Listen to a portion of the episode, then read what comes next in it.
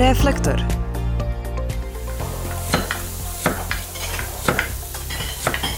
Proizvode se po staroj recepturi, od lokalnih sirovina, uglavnom ručno i u malim količinama, a ono što je najvažnije, ne sadrže aditive. Prehrambeni proizvodi koji se prave na ovaj način najčešće se nazivaju domaći, prirodni i zdravi, a u stvari se radi o tradicionalnim proizvodima koji nastaju u radionicama malih proizvođača. Na tržištu učestvuju u neravnopravnoj utakmici sa jeftinijim industrijskim proizvodima, ali su i pored toga traženi i cenjeni, jer je danas mnogim ljudima zdrava ishrana prioritet. U tome šansu za dodatnu zaradu, pa čak i unosan posao, vide mnoga poljoprivredna gazdinstva, ali i svi oni koji se, razmišljajući o preduzetničkom poduhvatu, opredele za proizvodnju tradicionalnih proizvoda. Zdravo! Slušate Reflektor, podcast portala Storyteller, u kojem svake druge srede promovišemo preduzetništvo i dobre preduzetničke ideje na lokalu. Ja sam Brankica Matić, a u ovoj epizodi mali proizvođači govore kako se odvija proizvodnja tradicionalnih proizvoda, u čemu je njihova vrednost, da li je teško i najvažnije da li se isplati. Čućete i šta je potrebno da bi neko postao mali proizvođač te pokrenuo i registrovao proizvodnju tradicionalnih prehrambenih proizvoda. O popularnosti tradicionalnih prehrambenih proizvoda možda najbolje svedoči velika posećenost i gužva na svakom bazaru ili sajmu gde mali proizvođači izlažu i prodaju ono što prave po svom oprobanom i dokazanom receptu. Pretvori se to uvek u pravi gastronomski događaj na kojem posetioci mogu da probaju i kupe sir, kajmak, kulen, ajvar, štrudlu sa makom, pitu od jabuka sa malo cimeta ili neki drugi proizvod. Sve doma domaće i bez veštačkih dodataka. Kao i bilo koji preduzetnički poduhvat i proizvodnja tradicionalnih prehrambenih proizvoda počinje od ideje, a one se nekada rađaju na putovanjima i u razgovoru sa prijateljima. Tako je u Bačkoj Palanci nastao mali brend My Veggies – iza kojeg stoje Roberta i Miloje Živanović. Prvo su na svom gazdinstvu uzgajali paradajz, prvenstveno za svoje potrebe, ali prinos je bio veliki, pa su zbog toga otpočeli i preradu. Roberta, koja je magistrica prehrambene tehnologije, priča da su i ona i suprug veliki ljubitelji mediteranskih proizvoda i zato su odlučili da ih sami prave daleko od mora na jugu Bačke. Obzirom da smo inače suprug i ja ranije mnogo putovali i volimo, ja sam inače s mora, volimo ovaj, te mediteranske proizvode i u priči s prijateljima došlo je na, došli smo na ideju šta raditi s tim paradajzom. Postavilo se pitanje, ima viška paradajza. Ne možeš sve skuvati, ne možeš sve deliti, mislim prijateljima ona. I onda smo tako došli na ideju da ga sušimo. Suprug je onda napravio jednu sušaru koja ovako deluje kao neka laboratorijska sušara po kapacitetu, ali je kondenzaciona sušara, znači sušara u kojoj je maksimalna temperatura 52 stepena i dobijemo osušeni paradaj sa očuvanim nutritivnim svojstvima. I ovaj, e, bilo je kao šta ćemo još osim sušenog paradajza, pa ostane paradajza nakon rehidracije, paradajz koji se uh, E, koji ne može ići u teglu. Da li se malo ovaj, pokida tokom e, rehidracije, uglavnom nije e, na oko lep što bi rekli. Onda smo krenuli sa njim da ga menjamo, našla sam ovaj, recepturu za 500 sušenog paradajza i tako je nastao. To su ta prva dva proizvoda s kojima smo mi krenuli. Od dva proizvoda, danas, pet godina nakon odpočinjanja proizvodnje, u ponudi imaju sedam. Od paradajza još prave domaći kečap, kiselo-slatki sos i slatki namaz od zelenog paradajza, a na svom gazdinstvu uzgajaju i drugo povrće, beli luk, šargarepu i celer, pa prave i potpuno prirodan dodatak jelima. Roberta kaže da je u proizvodnji najzahtevniji postupak sušenja. Prethodno se paradajz bere, zatim pere i seče, a sve se radi ručno. Onda ide u sušaru čiji je kapacitet oko 170 kg svežeg paradajza. Sušenje traje do dva dana i nakon toga ide prerada, punjenje u tegle i pasterizacija. Povrće uzgajano bez upotrebe pesticida, kombinacija začina i način pripreme najveća su vrednost proizvoda My Veggies, smatra Roberta Živanović. Vrednost je pre svega što su to prirodni proizvodi, znači proizvodi u kojima apsolutno nema nikakvih konzervansa, u kojima nema nikakvih aditiva za pojačivača arome, pojačivača ovaj, aditiva, recimo pogotovo kod sušenog belog luka ili toga našeg začina, mešavine začina, nemamo nikakvih sredstava protiv zgrudnjavanja, sve je prirodno. I tačno točno se oseti razlika u toj aromi. Konkretno sušeni paradajz u ulju. On kad se e, osuši, pa se rehidrira, pa se stavi u tegle, pre stavljanja paradajza stavlja se mešavina začina, beli luk, origano i bosiljak. Kad se stavi sušeni paradajz u ulju i mešani, nalijemo sa mešavinom e, devičanskog maslinovog i domaćeg hladno cijeđenog suncokretovog ulja, pa se pasterizuje tu aromu i taj, što bi rekli, buke ukusa ne može se jednostavno e, opisati E, uh, ta, ta lepota, u tog punoća ukusa, Da bi se dobio 1 kg sušenog paradajza potrebno je od 12 do 15 kg svežeg. Već prve godine, priseća se Roberta, u proizvodnju su ušli ambiciozno, pa su osušili više od tonu svežeg paradajza. Ubrzo su stigle nagrade za kvalitet i proizvodi My Vegis su pronašli put do kupaca. Roberta kaže da vole to što rade, posao više doživljavaju kao hobi jer im je tek dodatni izvor prihoda. Posvećenost se veruje oseti i ukusu proizvoda, a potvrđuju to i stalni kupci. Apsolutno ja volim ovo. Ja volim e, da pravim proizvod koji, u kojem ljudi uživaju. I ja volim kad mi se ljudi vraćaju i kad mi kažu tvoj proizvod je odličan, ja sam zamenila kupovnu vegetu recimo. Imam e, kupce koji evo već 5 godina uzimaju samo naš začin, jer je to začin koji je mešavina 25% morske soli maksimalno i 75% povrća, gde dominira šargarepa, celer, peršun, paštrnak, selen i kad kažu moja je supa drugačije, kaže čak su i ukućani primetili i rekli da je lepša. E onda, to je, to je ono zadovoljstvo koje cene nema. Kakva i kolika će biti prodaja tradicionalnih prehrambenih proizvoda kod nas često zavisi od njihove cene. Pa iako ima ljudi koji su spremni da ono što je kvalitetno i zdravo plate i skuplje, mnogi nemaju takve mogućnosti – U poslednjih godinu dana to se naročito primeti, kaže Roberta Živanović. Prodaja je manja, pa su iz tog razloga morali da smanje i proizvodnju. Ljudi često i ne shvataju zašto su ovi proizvodi skuplji od industrijskih. Razloga je više, kaže Predrag Ikonić, koji radi kao viši naučni saradnik na Naučnom institutu za prehrambene tehnologije u Novom Sadu. Pojašnjava da se pod tradicionalnim proizvodima podrazumevaju oni koji se godinama, decenijama, nekada i vekovima prave na određenom području. Proizvode se na specifičan način po starom receptu, a umeće se prenosi sa generacije na generaciju.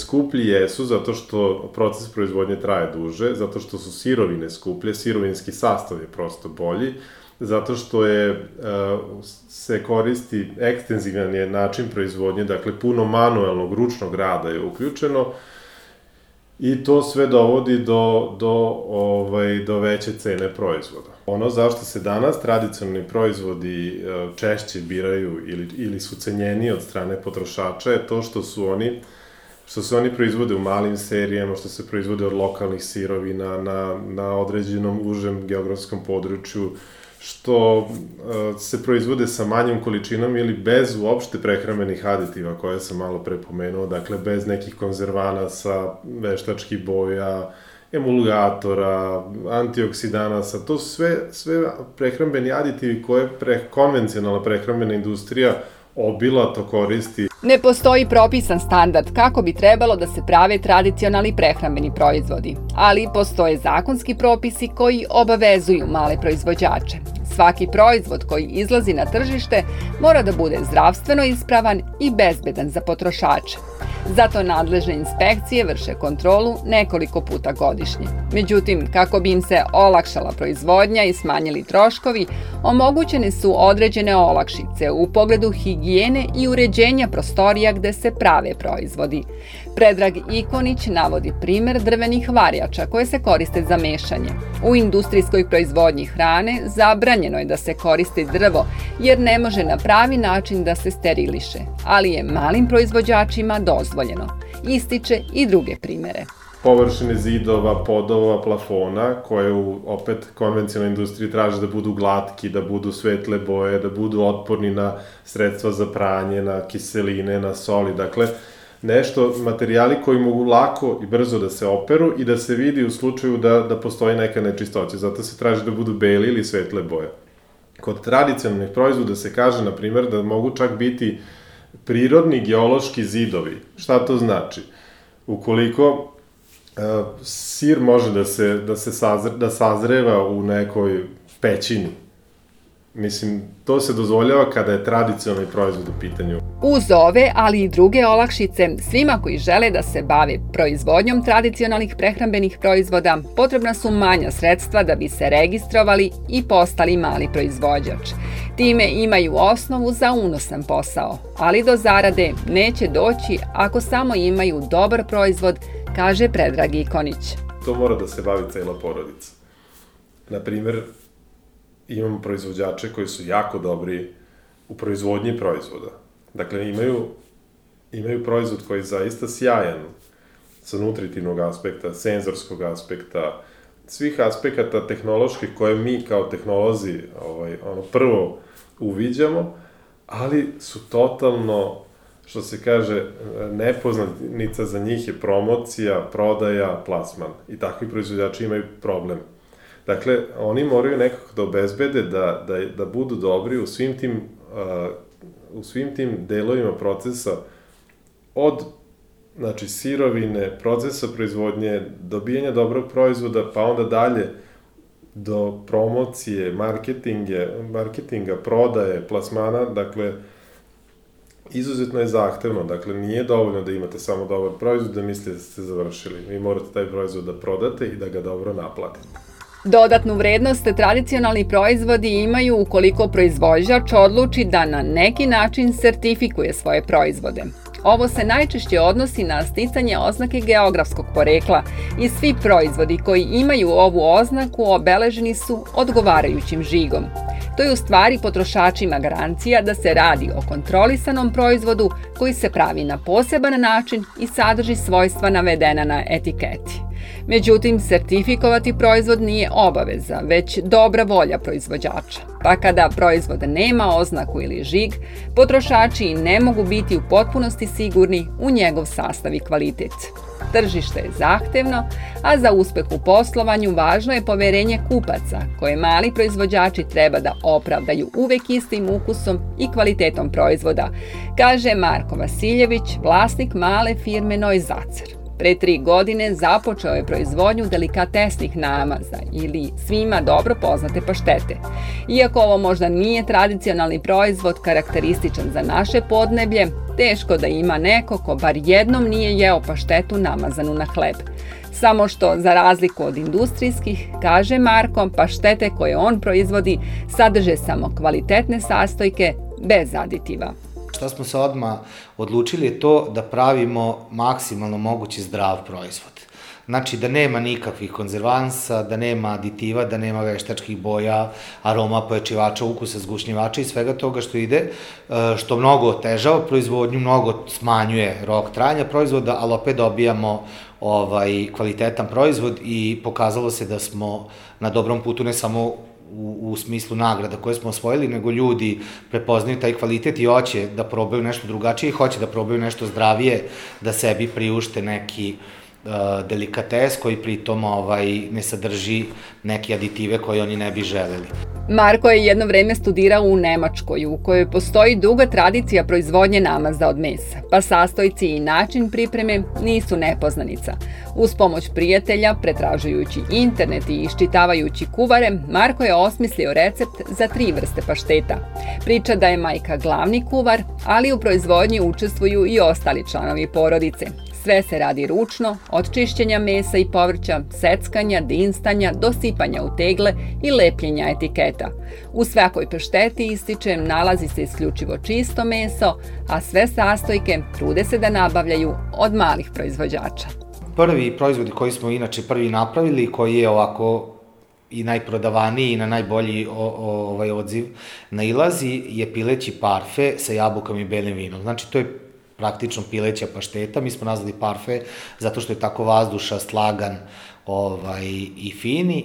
I to je osnova pileća džigerica, idu jabuke, ide belo vino, idu još ti neki sastojci, puter, mileram i ostali začini. Znači, to je prvi proizvod. Drugi proizvod je paorska pašteta, ona je tako i nazvana ili je malo grublje strukture, opet je uh, E, malo gurmanski proizvod ili ide u njega dimljena slanina, znači domaća dimljena slanina, svinska džigerica, ona je čisto svinska za razliku od parfeja koji je pileći, znači dimljena slanina, svinska džigerica, pečurke, konjak i još neki začini. I onda je nastala Francuska koja je u suštini neka zlatna sredina i ona je kombinacija mesa i džigerica. U nju ide svinska plečka, znači svinsko meso, pileća džigerica, isto ide puter, ide konjak, Eh, idu neki specifični začini. Pažljivo su osmišljene ambalaža i etikete, pa noje zacrt paštete mogu biti sasvim prigodni pokloni. Mesečno mogu da proizvedu do 3000 teglica. Posla ima, posebno u vreme praznika, kada rade od ranog jutra do kasno u noć. Marko kaže da bi mogao da pravi jeftiniji proizvod, smanji troškove proizvodnje i pravi veće količine, ali to onda ne bi bio proizvod za koji bi mogao reći da je u potpunosti kvalitetan sa potpuno čistim sastojcima. Zato ostaje dosledan prvobitnoj ideji. Veruje da isplativost zavisi od posvećenosti i odluke malog proizvođača na koji način će da radi. Da može da se živi, može, jedino što je potreban mukotrpan rad, Uh, puno odricanja, ovaj, puno posla, puno jer je tržište ne, uh, polako prepoznaje ljude, ali treba doći, eto mi smo sad ovde u Novom Sadu, uh, Srbija nije nešto pretredno velika, ali opet za malog proizvođača je sve veliko i sve je daleko Malim proizvođačima su uglavnom internet i društvene mreže glavni kanali za prodaju, ali i promociju proizvoda. Sagovornici za Reflektor kažu da je proizvodnja ono što znaju da rade, ali da bi se proizvod prodao neophodan je marketing, za koji često nemaju dovoljno ni vremena ni novca. Ovim završavamo i ovu epizodu Reflektora. Slušajte nas na društvenim mrežama, na profilima portala Storyteller, na Facebooku, Instagramu i TikToku, kao i na platformama podcast.rs, Google Podcasts i Spotify.